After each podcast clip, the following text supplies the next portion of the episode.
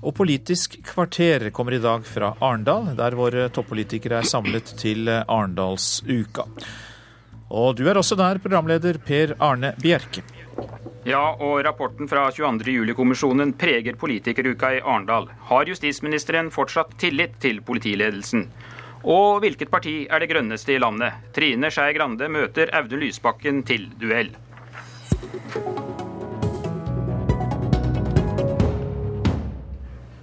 Velkommen til studio Arendal, justis- og beredskapsminister Grete Faremo. Du er jo nesten på hjemmebane, født og oppvokst i Setesdalen? Ja, tusen takk for det, og det er riktig. Jeg føler meg virkelig hjemme. I går sa du at vi ikke klarte politioperasjonene 22.07, og vi klarte heller ikke evalueringen i etterkant. Har du eller har du ikke tillit til politiledelsen? Jeg eh, er ute etter at eh, nå er det en jobb som må gjøres.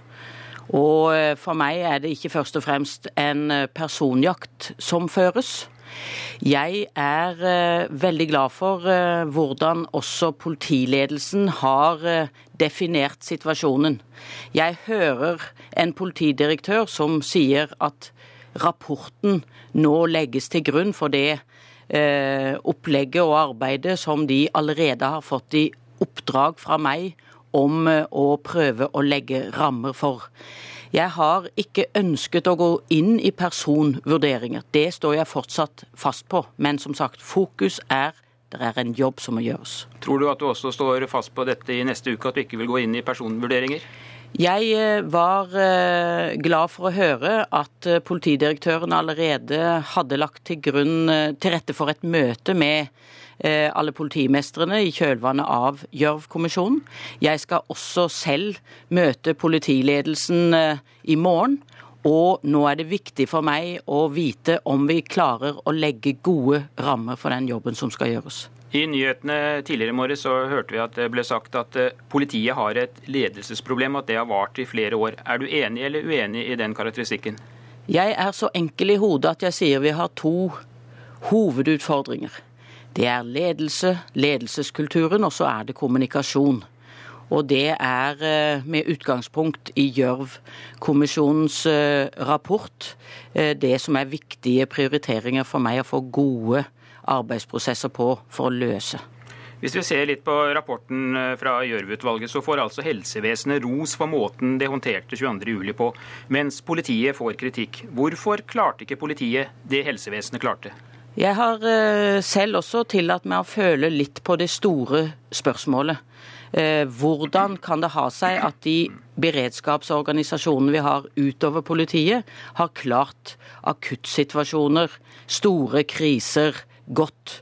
Og Derfor så tror jeg også politiet har mye å lære på akuttenkingen i andre etater.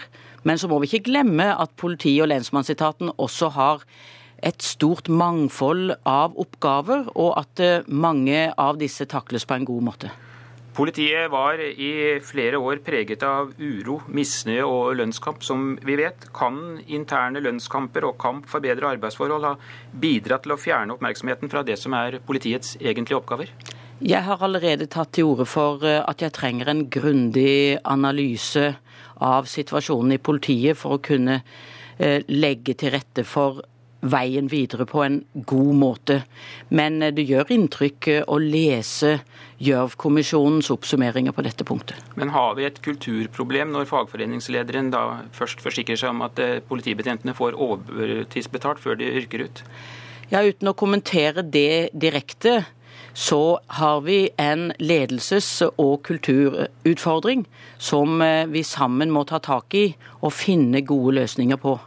Men hvordan kan dette ha fått utvikle seg over år, når vi ser hvordan de andre nødetatene fungerer, mens da den kanskje aller viktigste etaten, politiet, ikke fungerer i en krisesituasjon? Vi må være opptatt av eh, å ha klare, gode rammer for hvilke roller vi har, hvilket ansvar vi tar, hvilke oppgaver vi skal løse. Så et svar eh, eh, framover for spørsmålet du stiller, det er at jeg trenger en god instruks for Politidirektoratet. Et tydelig skille mellom det strategiske nivået som departementet representerer, og det operative nivået og ansvaret som politiledelsen må ta sammen med politidistriktene. Skal jeg tolke det slik at eh, du mener at eh, politiets problem er mer mangel på organisering enn en mangel på penger? Jeg tror eh, utfordringene ligger flere steder, og det er noe av bakgrunnen for at denne analysen trengs. Men så skal vi også gjøre mye underveis. Som jeg sier, har vi sagt at noe virker, så må vi sørge for at det virker. Det nasjonale varslingssystemet virket ikke 22.07. i fjor. Vi hadde heller ikke helikopterberedskap.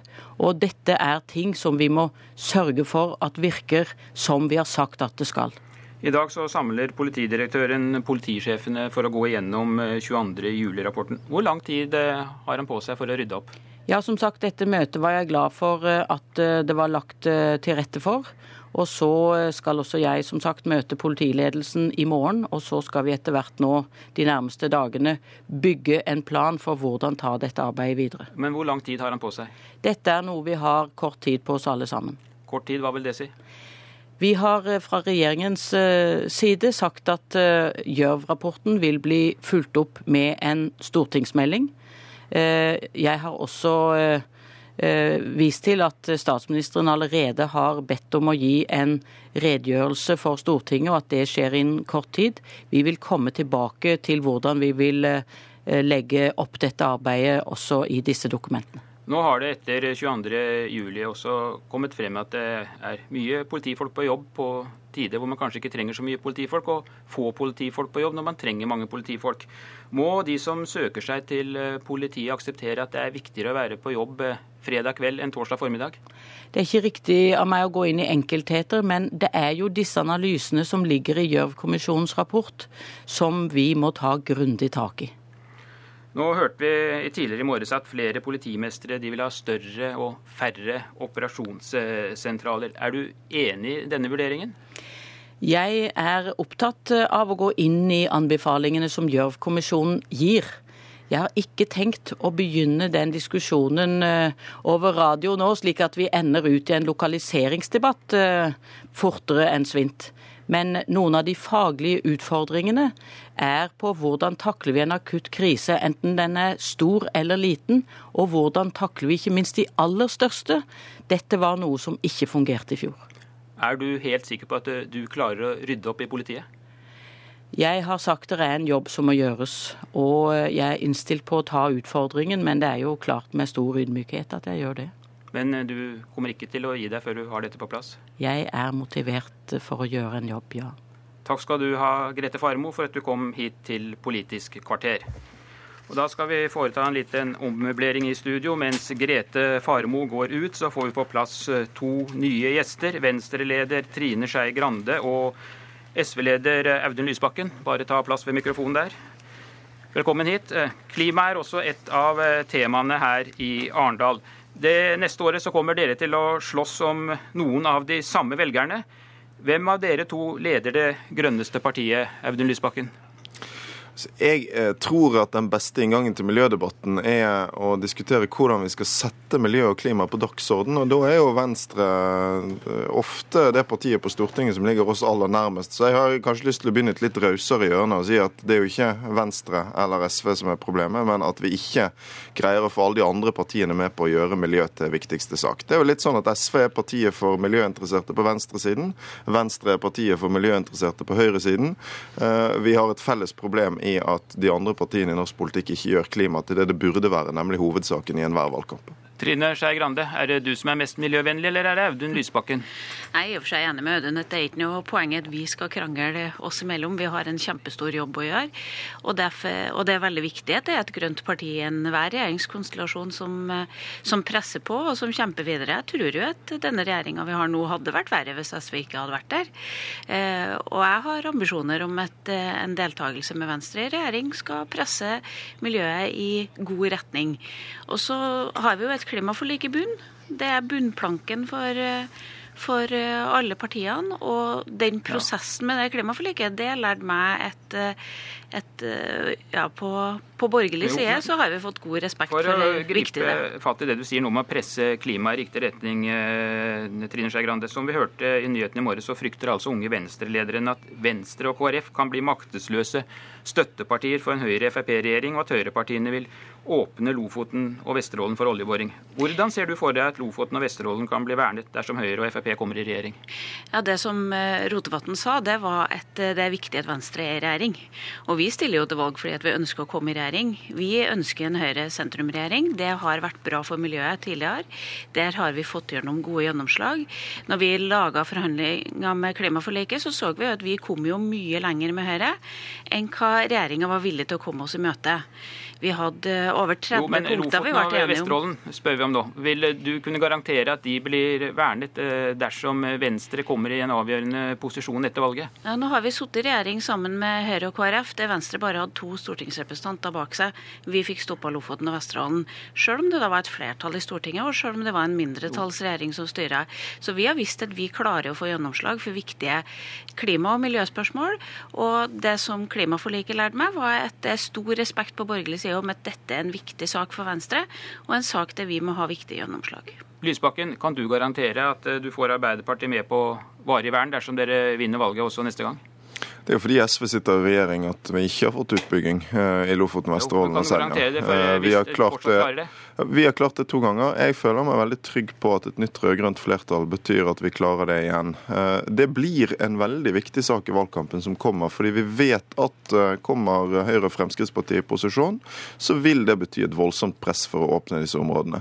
Det er jo også Trine sin store utfordring at sånn som det nå ligger an, så betyr jo Venstre sine samarbeidstanker på høyresiden at Fremskrittspartiet vil få makt. Det er veldig vanskelig å se for seg at klimapolitikken i Norge skal bli bedre. Men så syns jeg at vi må ta et felles ansvar for å sørge for at f.eks. Lofoten, Vesterålen og Senja blir et stort uh, valgkampspørsmål. Oljeøkonomien i Norge er en stor utfordring, ikke bare for miljøet, men for uh, vår øvrige økonomi, vårt øvrige næringsliv. Og det å nå Eh, få til debatt i begge blokkene om hvordan vi kan sette bremsene på eh, for oljesektoren for å skape rom i norsk økonomi, for å skape framtidens arbeidsplasser, det er kanskje det aller, aller viktigste spørsmålet vi kan reise i valgkampen som kommer. Trine Skei Grande. Ja, vi i Venstre er veldig opptatt av å skape de nye grønne arbeidsplassene. Og det tror jo vi at vi klarer å få til på borgerlig side. Det har vi sett at det er et stort engasjement på å prøve å utvikle ny teknologi, utvikle et nytt næringsliv. Prøve å finne de grepene det handler om for å lage de nye grønne arbeidsplassene som vi vet at vi skal leve av i framtida. Det handler om at oljen ikke varer evig heller. Det tror jeg alle skjønner. Og da er det viktig å gjøre oss forberedt på at Norge faktisk kan være en energinasjon også med de nye grønne energiene. Eh, og Da må du ha et virkemiddelapparat som får det næringslivet opp og gå, og som også tar fokus, sånn at ikke alle de klokeste hodene våre havner bare i oljenæringa. Og alle de grepene her tror jeg at det er stor mulighet for å få gjort, fordi at alle ser at det er viktig å gjøre sånne grep. Ja, alle ser, men Dere forsøker da begge å profilere dere som eh, det store miljøpartiet, men ingen av dere kan jo sies å ha overveldende oppslutning, akkurat. Hvorfor er ikke klima en vinnersak? Det er et utrolig viktig spørsmål, fordi uh, de fleste, med, med, noen unntak, sånn som Fremskrittspartiet f.eks., er villig til å si at uh, klima er vår tids aller viktigste spørsmål. Vi vet det at hvis klimaendringene virkelig får slupp, bli sluppet løs på oss, så blir alle andre mål vi har om fred, utvikling, demokrati i verden, umulig å nå. Eh, det er vår tids skjebnespørsmål. Men likevel så oppfører veldig mange politikere seg ikke sånn. Eh, vi eh, har gjort det til en æressak i SV at vi skal ha miljø og klima som hovedsak hver gang vi går til valgkamp. Men de store partiene gjør foreløpig ikke det. Kan du si at du har klart det i regjeringen? Altså, det er ingen tvil om at vi har dratt regjeringen kraftig i grønnere retning. Det er bare å se på den klimameldingen som ble lagt fram, på hva som har skjedd når det gjelder bilrestriktive tiltak i storbyene. Ja, sånn vil det alltid være at opposisjonen vil kunne overby regjeringen på noen ting. Jeg er veldig glad for at vi hadde en god prosess, særlig med Venstre og KrF, for å få dratt dette i uh, enda bedre retning på noen områder. Men, men, det viktige spørsmålet du stiller er hva gjør vi for at velgerne og folk skal være mer opptatt av klima? Jeg tror det er to utfordringer. Det ene er at det er vanskelig for folk å tro at klima er en så stor utfordring som det vi sier at det er, når ikke flere partier gjør det til hovedsak, og man ikke ser at politikerne syns at det er viktigere enn andre spørsmål. Da må vi få de andre partiene med oss på å la klima prege valgkampen. Det andre er at jeg tror både SV, Venstre og miljøbevegelsen må greie å vise at vi har en positiv visjon for lavutslippssamfunnet. Hvordan skal du få klima opp på dagsordenen? Nei, For meg var prosessen rundt klimaforliket både interessant, men også veldig, gjorde meg veldig optimistisk. Det at vi kom så langt med Høyre, 32 poeng. Og så kom vi kjempelangt med Frp også, før regjeringa satte ned foten og var redd for at vi skulle klare å bli enige om å gå veldig mye lenger enn regjeringa på, på klimaspørsmål. Og det gjorde meg veldig optimistisk på at dette kan vi virkelig få til noen ting på. Men det er klart at den regjeringa blir forskjellig om du har Venstre som drivkraft der på de grønne sakene, eller om vi ikke får lov til å være med. Så Derfor så stiller vi til valg for at vi skal inn i den regjeringa nettopp for å påvirke, for vi ser at ting blir forskjellig når vi er der, eller når vi ikke er der. Takk skal dere ha, og det var Politisk kvarter her fra Arendal. Jeg heter Per Arne Bjerke og er tilbake i morgen til samme tid.